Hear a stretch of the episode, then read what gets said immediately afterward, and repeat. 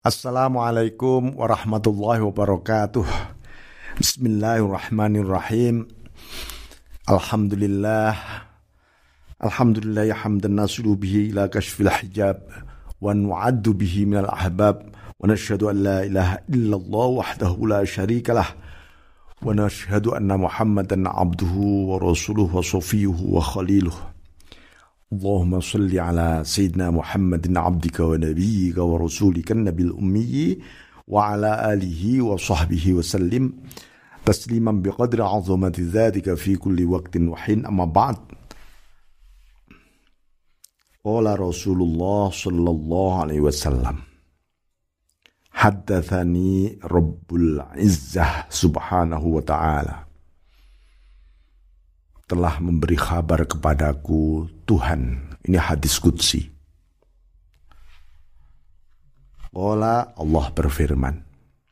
Kalimatu la ilaha illallah hisni faman qalaha dakhala hisni wa man dakhala hisni amina min adabi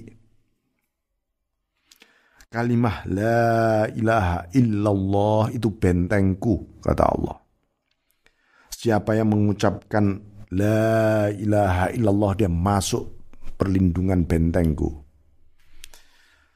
Siapa yang masuk bentengku amin amin adabi dia aman dari seksaku. Ini dahsyat sekali ini hadis kudsi ini. Ya, la ilaha illallah. Anda aman dari siksa neraka. Baik. Jadi apa yang tersembunyi di balik hadis kudsi ini adalah soal kalimat tauhid. Ya. Seseorang yang mengucapkan la ilaha illallah itu berarti imannya bertambah, bertambah, selalu baru imannya, bertambah, bertambah baru penuh dengan kemakrifatan. Jadi la ilaha illallah kenapa oleh Rasulullah Sallallahu Alaihi Wasallam diperintahkan untuk terus berulang-ulang. Ya maka uh, beliau uh, lalu diikuti oleh para sahabat, para tabi'in, para arifun billah mengistiqomahkan la ilaha illallah minimal minimal 100 kali setiap hari. Jadi istighfar, solawat, la ilaha illallah itu minimal 100 kali setiap hari minimal. Ini tajdidul iman, memperbaharui ya atau ma yazidul abdu imanan yang membuat iman kita bertambah bertambah. Kita tiap hari mengucapkan la ilaha illallah ya harus bertambah memang iman kita. Jangan semakin surut. Uh, gitu ya. Kenapa? Karena kalimat la ilaha illallah ini ada ruhut tauhid. Rohnya tauhid ya. La ilaha illallah ini. Maka Maka di dalam epistemologi urutan keilmuan gitu ya. Ilmu pengetahuan ya, ilmu pengetahuan di atas ilmu itu sebenarnya ada apa? Di dalam ilmu kan ada pembagian-pembagian ilmu. Macam-macam ilmu ini. Ilmu zahir, ilmu batin, ilmu syariah, ilmu hakikat, lalu fakultas-fakultas ilmu terbagi di situ. Di atas ilmu ada apa? Di atas ilmu ada hikmah. Di atas hikmah ada apa? Di atas hikmah ada ahlu zikr. Adalah zikrullah. Yang terus menerus Di atas zikrullah ada apa?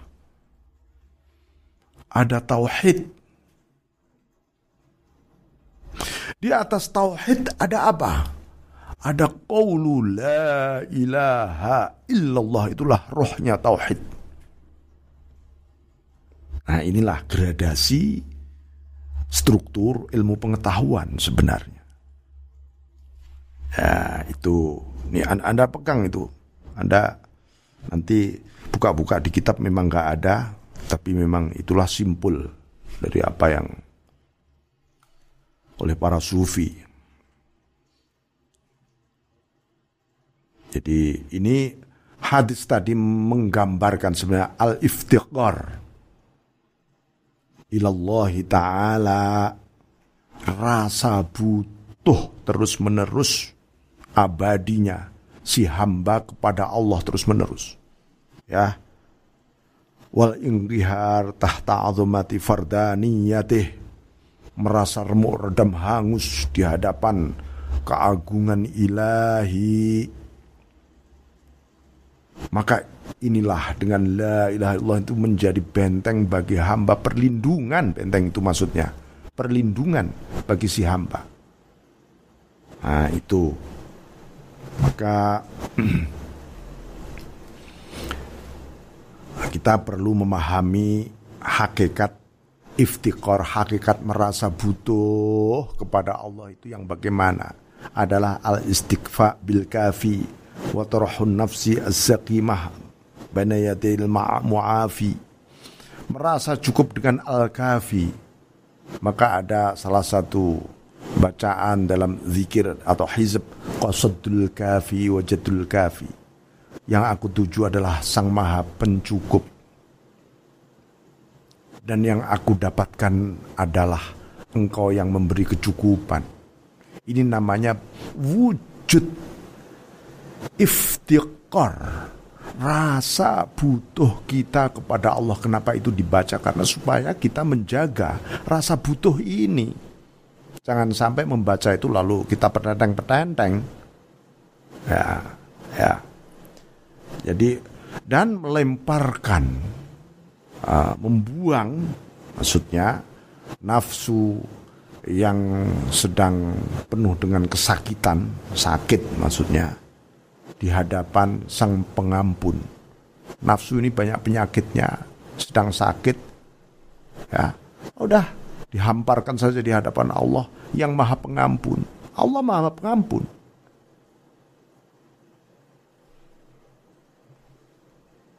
Jadi muafi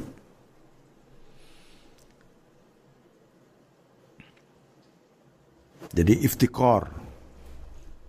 Hakikat iftikor. Ada yang mengatakan adalah dawamut tabsis wal i'tidhar bilisani sidkil iftikor ma'a ghayatil inkisar terus menerus uh, mengajukan mengadukan ketakberdayaannya di hadapan Allah ya dengan bahasa rasa butuh terus menerus penuh dengan remuk redam di hadapan Allah. Ini kan memang harus kita wujudkan terus di hadapan Allah. Ya.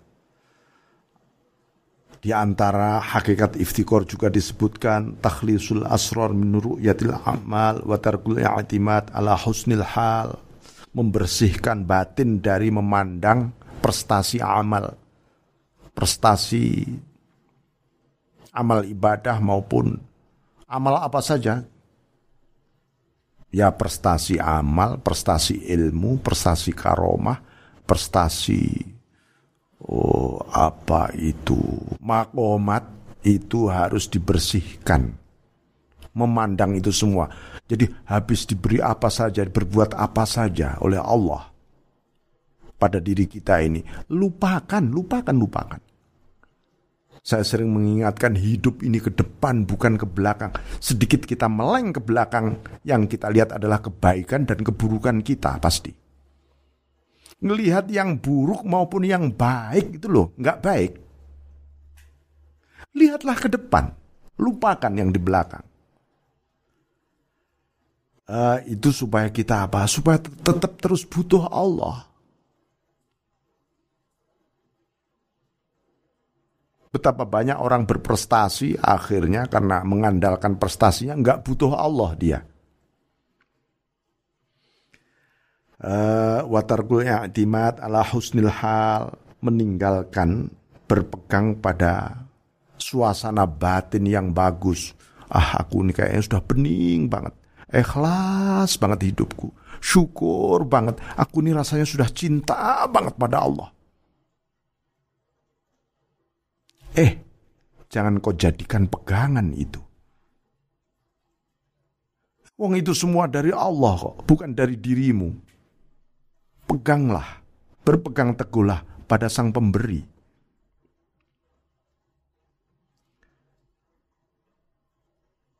Ya.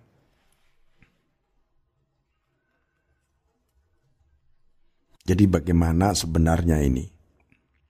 Ada pertanyaan kepada Abdullah bin Muqatil, mata yakunul abdu ghaniyan muhtajan? wa fi ghinah wa hajatuhu mahmud. Bagaimana ya ada orang ini kaya tapi juga tetap menjaga rasa butuh. Dia punya apa saja tapi rasa butuhnya tetap ada pada Allah. Gimana memadukan ini? Sehingga rasa cukupnya dan rasa butuhnya ini terpuji. Apa jawab beliau? Idza kana ghinahu billah an khalqih wa hajatuhu ila rabbih jika rasa cukupnya itu hanya pada Allah dibanding pada makhluknya. Dan hajat kebutuhannya hanya kepada Allah. Sekaya apa pun dia, secukup apa pun dia, tetapi dia yang disebut rasa cukup itu adalah Allah dan dia terus butuh pada Allah. Berarti dia baru terpuji namanya. Itu ya Nah, rasa butuh ini kan memang sifat asli kita. Memang. Rasa butuh itu sifat asli kita. Dan itu tidak akan pernah berubah selama-lamanya. Sampai besok di akhirat, sampai di surga, semakin butuh kita kepada Allah. Semakin nikmatnya terbuka dilimpahkan kepada kita, semakin butuh kita kepada Allah. Maka Syekh Abu Bakar Al-Wasiti rahimahullah ta'ala uh, apa mengatakan innal abda la ya'rifullah haqqa ma'rifati hatta la ya'rifu al-faqah al-kubra. Seorang seseorang itu belum disebut orang yang arif, orang yang ma'rifat sebelum dia mengenal al-faqatul kubra, kebutuhan agung. Apa itu? Wa mal faqatul kubra? Qala aya'lama annahu lam yuh tada ila rabbihi illa bih wala yanju min sukhti illa bih. Nih, dua hal ini kita catat penting. Ya, jawaban beliau yang disebut kebutuhan besar kita ini apa? Yaitu, dia tahu bahwa sesungguhnya dia tidak akan ada petunjuk menuju kepada Tuhannya kecuali bersama Allah. Dia menempuh jalan hidayah ini ya karena Allah, bukan karena dia. Maka dia butuh terus. Maka kita terus mengat, membaca ihdinas suratal mustaqim. Ihdinas suratal mustaqim. Supaya apa? Supaya kita nggak lepas dari peran Allah yang kita sadari. Kita ini dapat petunjuk menuju hidayahnya Allah ya karena Allah juga. Bukan karena doa-doa kita selama ini sebenarnya. Tapi kalau orang diberi hidayah oleh Allah, dia ditakdirkan berdoa terus-menerus butuh kepada Allah. Anda diberi kemudahan macam-macam apa yang tapi Anda merasa enggak remuk redam butuh pada Allah Eh, itu istidraj namanya. Mengerikan. Ya. Bismillahirrahmanirrahim wala yanju min sukhtihi illa dan orang itu tidak selamat dari marahnya Tuhan dari bendunya Gusti Allah kecuali dari Allah keselamatan itu. Nah, ini ya. Makanya para aulia itu tidak layazalu ittiroruh kata Ibnu Athaillah Sakandari Dia terus-menerus merasa terdesak, iftikor, butuh Allah. Allah Gusti Allah, Allahumma ilahi ya Rob terus.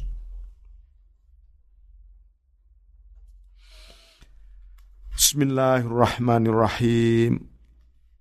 Maka Iftikor itu adalah faraghah fi riayah wa riayah fi wilayah wa wilayah fi ainayah wa ainayah fi hidayah. Ini menarik urutan ini ya. Iftikor itu adalah merasa tuntas di hadapan perlindungan Allah dan perlindungan Allah itu di dalam wilayahnya Allah. Kekuasaan dan pertolongannya Allah. Wilayahnya Allah ada di dalam inayahnya Allah.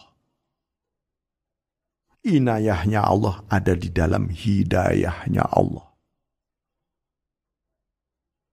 Urutan ini sangat menarik karena itu faman la faraghatalah la riayah siapa yang tidak merasa tuntas hanya bagi Allah dia berarti tidak mendapat perlindungan Allah.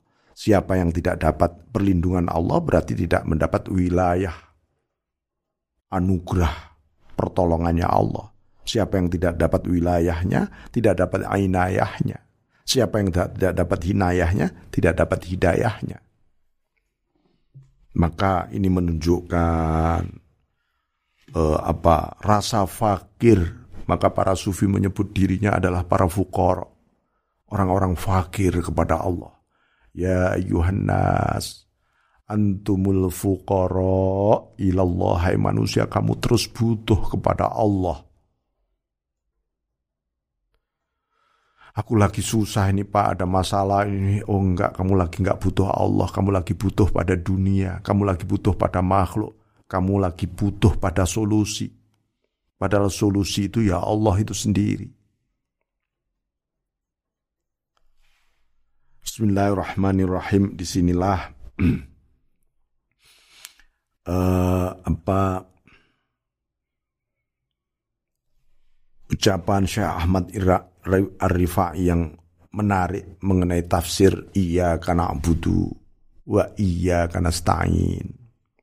Wa alam anna Allah Ta'ala wada'a tahta qawlihi iya karena abudu kamala wafa'i sidqil ubudiyah.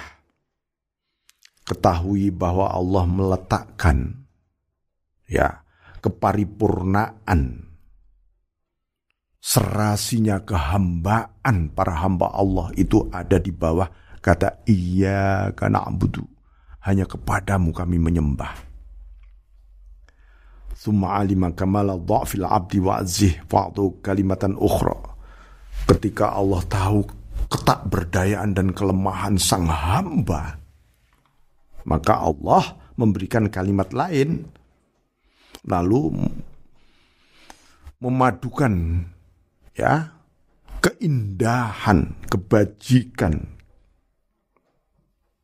dua rumah, dua rumah dunia dan akhirat ini kebajikannya ada di mana? Yaitu qauluhu ta'ala wa iya nasta'in dan hanya kepadamu kami memohon pertolongan. Bentuk remuk redamnya sang hamba kehambaan kita adalah wa iya nasta'in Dahsyatnya iya karena berdua iya karena stain ini. Fakalah hakun fakullu hakin lillahi ta'ala al-abdi tahta qulihi iya karena abud. Seluruh kebenaran, hakikat kebenaran ada di bawah karena abud. Orang mencari kebenaran sampai puncak akhirnya apa? Iya kan abud. Ternyata hanya kepadamu kami menyembah Allah. Wa kullu faqrin lil abdi ilallah ta'ala tahta qulhi wa iya nasta'in. Seluruh kefakiran, kebutuhan, ketakberdayaan hamba ada di bawah ayat wa iya nasta'in kebenaran dan hakikat kebenaran pada akhirnya adalah ketakberdayaan dan seluruh ketakberdayaan ada pada wa iya karena stain. Mari kita hayati fatihah-fatihah kita setiap hari. Karena di sana ada iya karena wa iya karena stain. Sebuah puncak kehambaan kita dan ketuhanannya Allah bertemu berpadu. Bismillahirrahmanirrahim. Jadi itulah uh, gambaran mengenai ridho kita ya dihubungkan dengan rasa hajat butuh kita. Bahkan Kenapa Allah kok menciptakan rasa hajat butuh kepada kita? Ya supaya kita gandol, gantung, mengakui kehambaan kita. Karena manusia itu mudah meleng, mudah lupa, mudah sembrono, lemah, tak berdaya, diberi kecukupan sedikit saja, diberi kekuatan sedikit saja, lupa kepada Allah Subhanahu wa taala maka tetap diberi masalah selama hidup manusia di dunia. Diberi hajat selama manusia ini di dunia diberi problema. Supaya apa? Supaya kamu butuh terus kepada Allah. Alhamdulillah. Walafu minkum wallahu muwafiq ila Assalamualaikum warahmatullahi wabarakatuh.